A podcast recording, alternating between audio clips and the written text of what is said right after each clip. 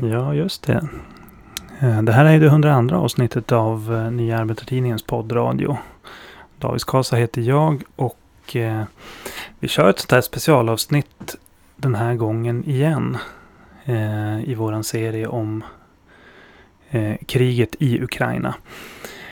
Och ja, det här avsnittet det, det, det handlar om hur Putins angrepp på Ukraina har inneburit en seger för USA Eh, i global skala.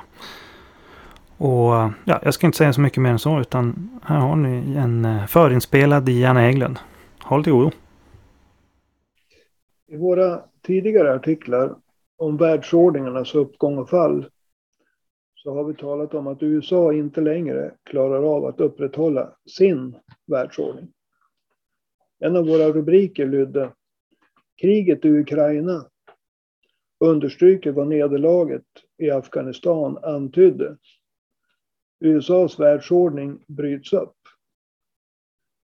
Men supermakter träder inte tillbaka omedelbart. Och låt oss ta Storbritannien som ett exempel. Detta väldes hundraåriga dominans av världen började falla sönder då första världskriget bröt ut 1914.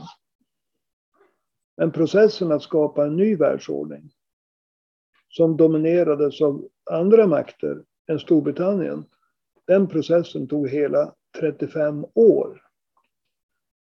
Processen avslutades inte förrän då Folkrepubliken Kina utropades 1949. Och under denna tid så stod Storbritannien som segrare i två världskrig. Men trots segrarna i två världskrig så var Storbritanniens världsordning ändå slagen i spillror 1949. Även idag kommer processen där den av USA dominerade världsordningen ersätts av en annan världsordning att vara en utdragning, utdragen och motsägelsefull process. Storbritannien gynnades av Tysklands nederlag i första världskriget. Och på samma sätt kommer stora händelser fortfarande att gynna USA. Och Rysslands nederlag i Ukraina är ett sådant exempel på flera sätt.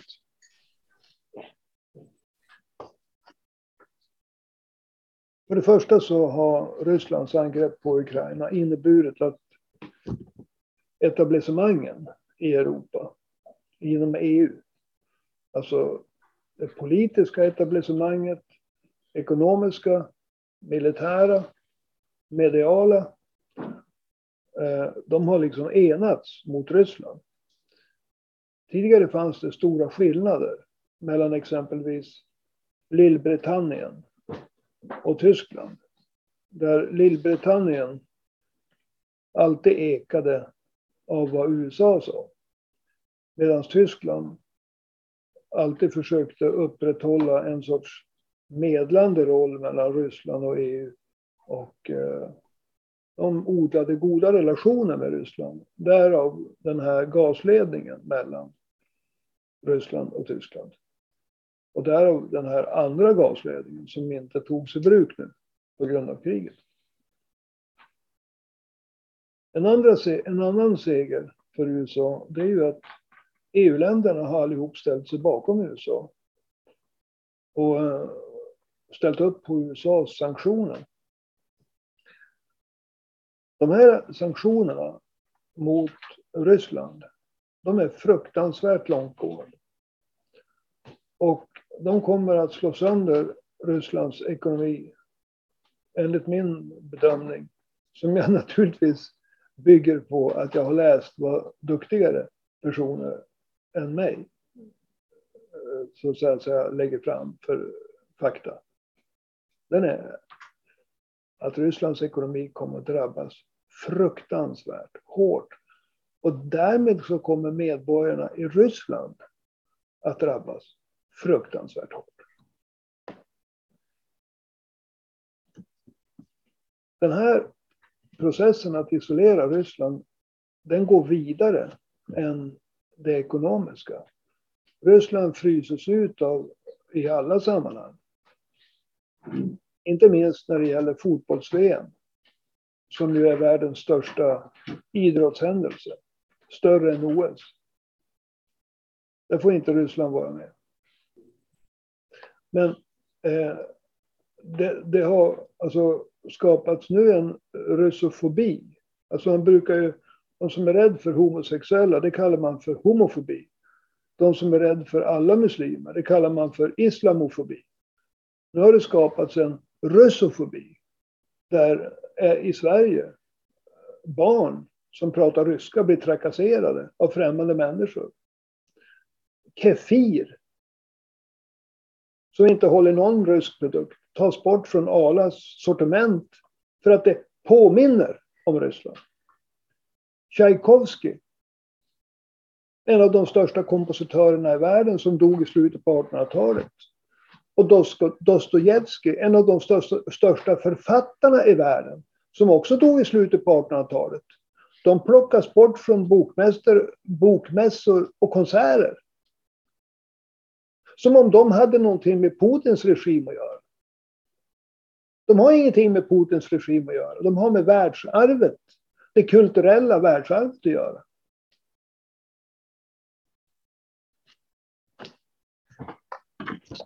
Men sån är stämningen idag.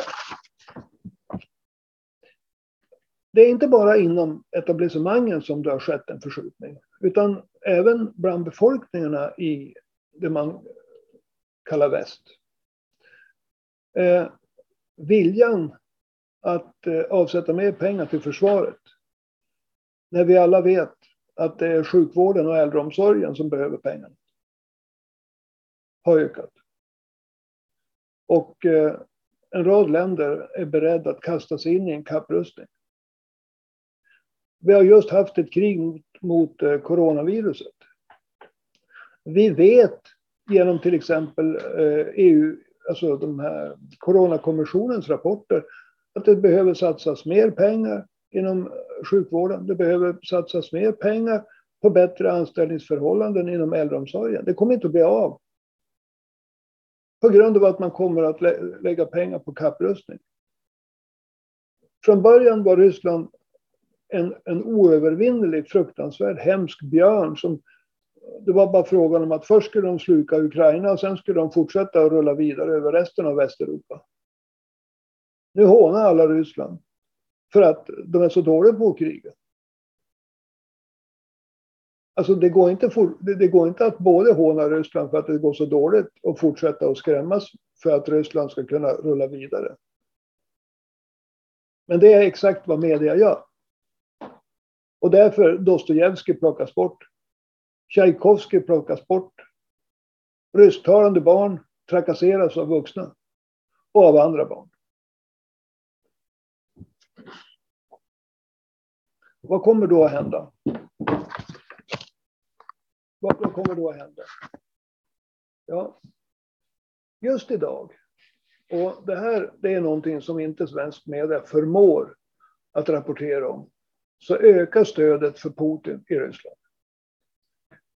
Det är nämligen så att stödet för Vladimir Putin har varit mycket större i Ryssland och i de rysktalande delarna av Ukraina än vad svensk media någonsin har klarat av att rapportera. Putin hade väldigt tur. Han kom till makten i en, en situation där Ryssland var förnedrat internationellt och fattigt så att medellivslängden eh, för hela den ryska befolkningen sjönk fem år på sju år. Och man får leta efter motsatsen i världshistorien.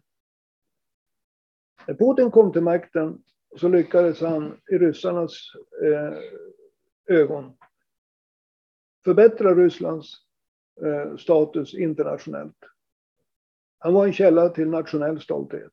Han lyckades också förbättra levnadsstandarden därför att hans eh, makttillträde sammanföll med att oljepriserna gick upp och han fick mer pengar och kunde så att säga stoppa det förfall som Ryssland var inne i.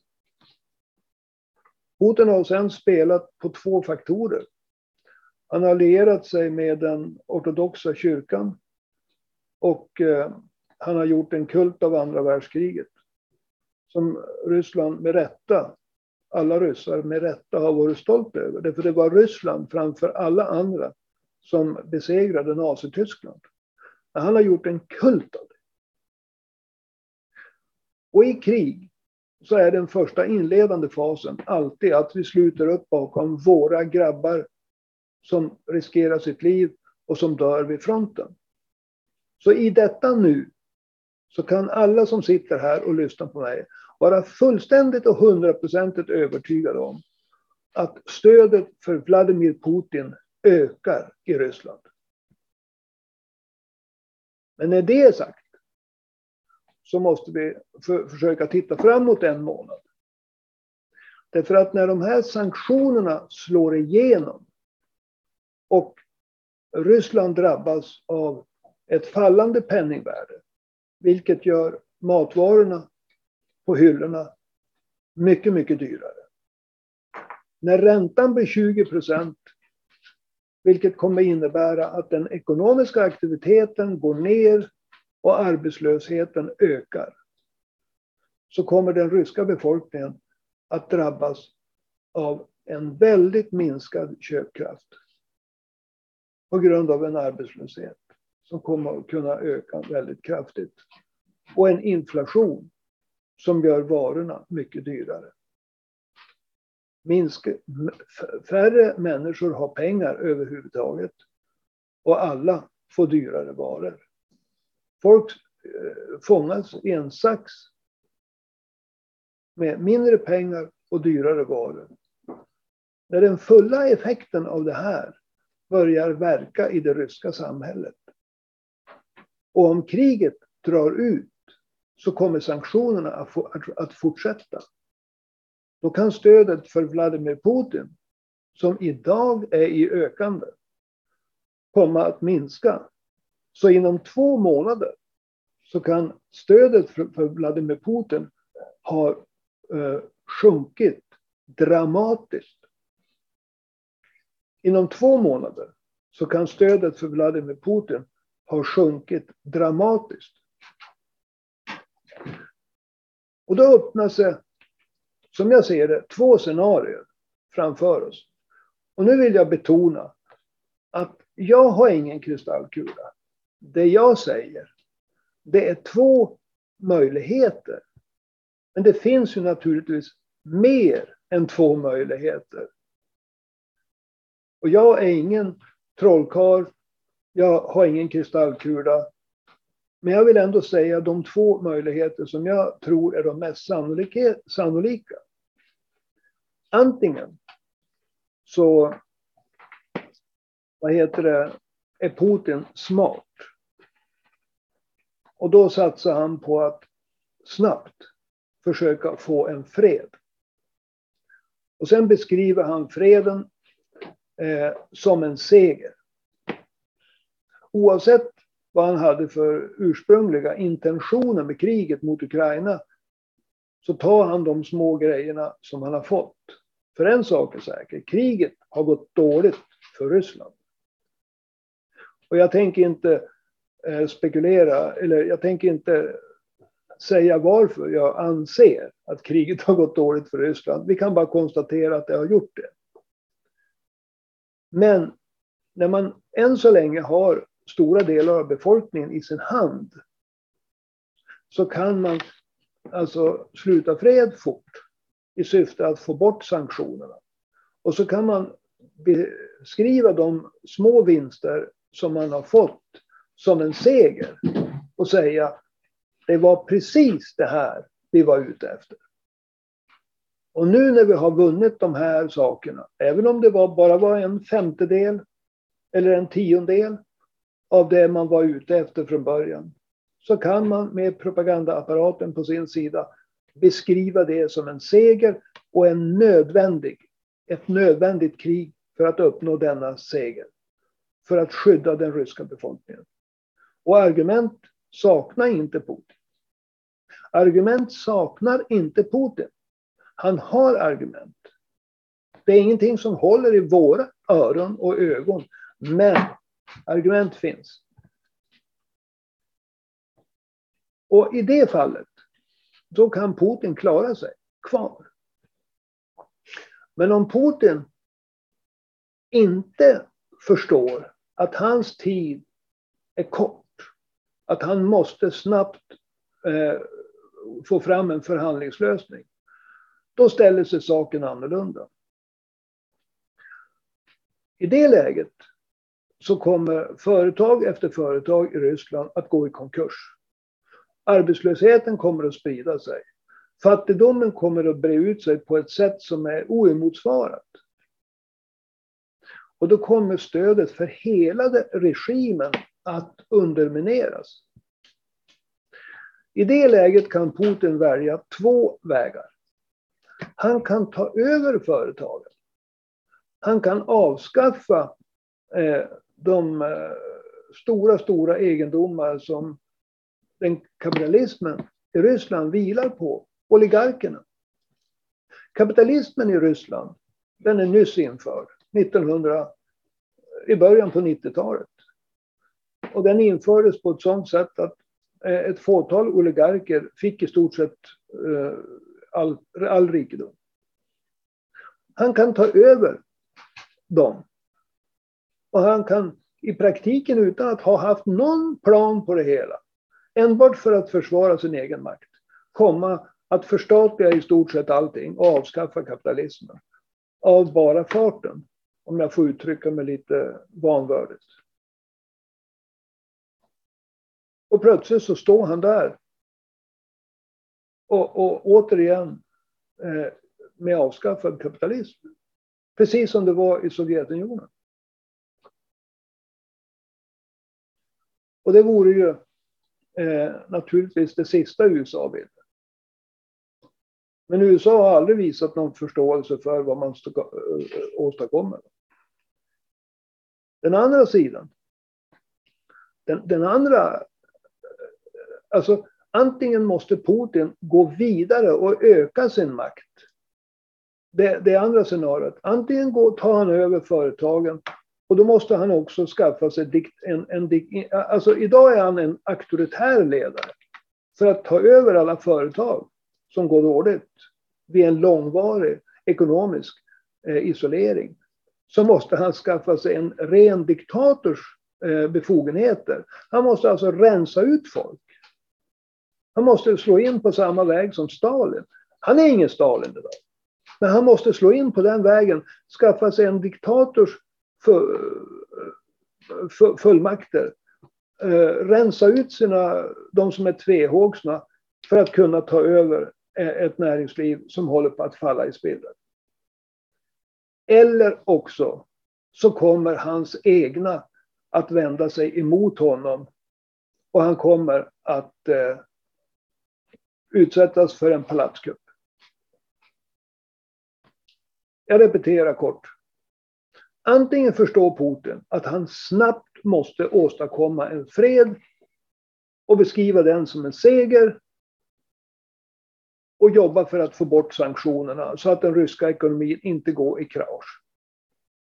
Eller också så fattar han inte det. Och då går den ryska ekonomin i krasch.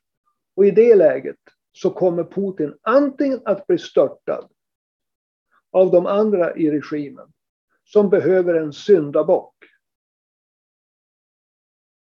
Och då kommer Putin sannolikt att avrättas.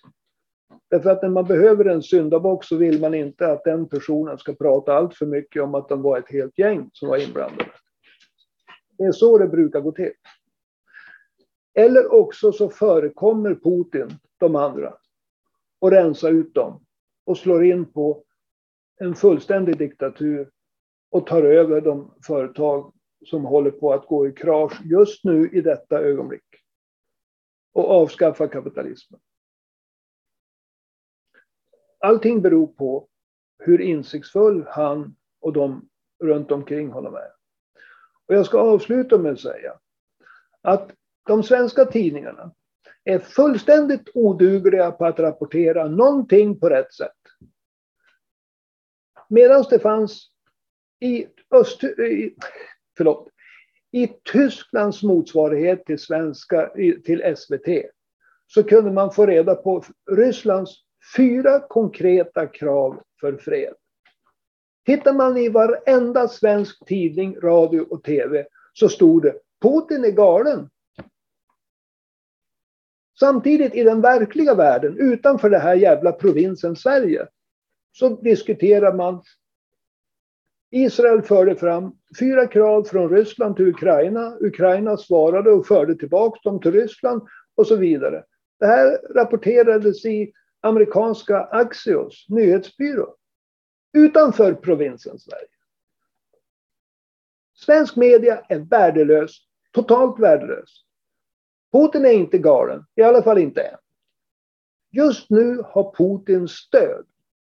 Men det kommer inte att vara. Vi står alltså inför en oerhört dramatisk situation. Vi vet inte hur det kommer att gå.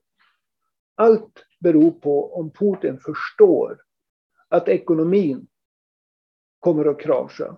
Och då har han ett val. Snabb fred eller inte snabb fred. Väljer han inte snabb fred, då är det vinna eller försvinna för Putin. Död eller Stalin. Och det är de två scenarier som jag anser vara mest troliga. Men återigen, det är två. Det finns fler möjliga scenarier, men det här är de två jag utan kristallkula tror är mest sannolika. Och därmed är jag klar. Alright. Jag får tacka Janne för det där. Även fast han var eh, inspelad vid ett tidigare tillfälle.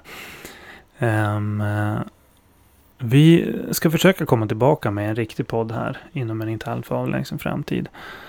Eh, men tills dess så eh, swisha gärna ett bidrag. Och eh, ta dig gärna en provprenumeration på Nya Arbetartidningen. Du går in på nya.nu prenumerera. Nya.nu prenumerera. Och vill du bara swisha ett bidrag så är numret 123 504 7105. Alltså 123 504 7105.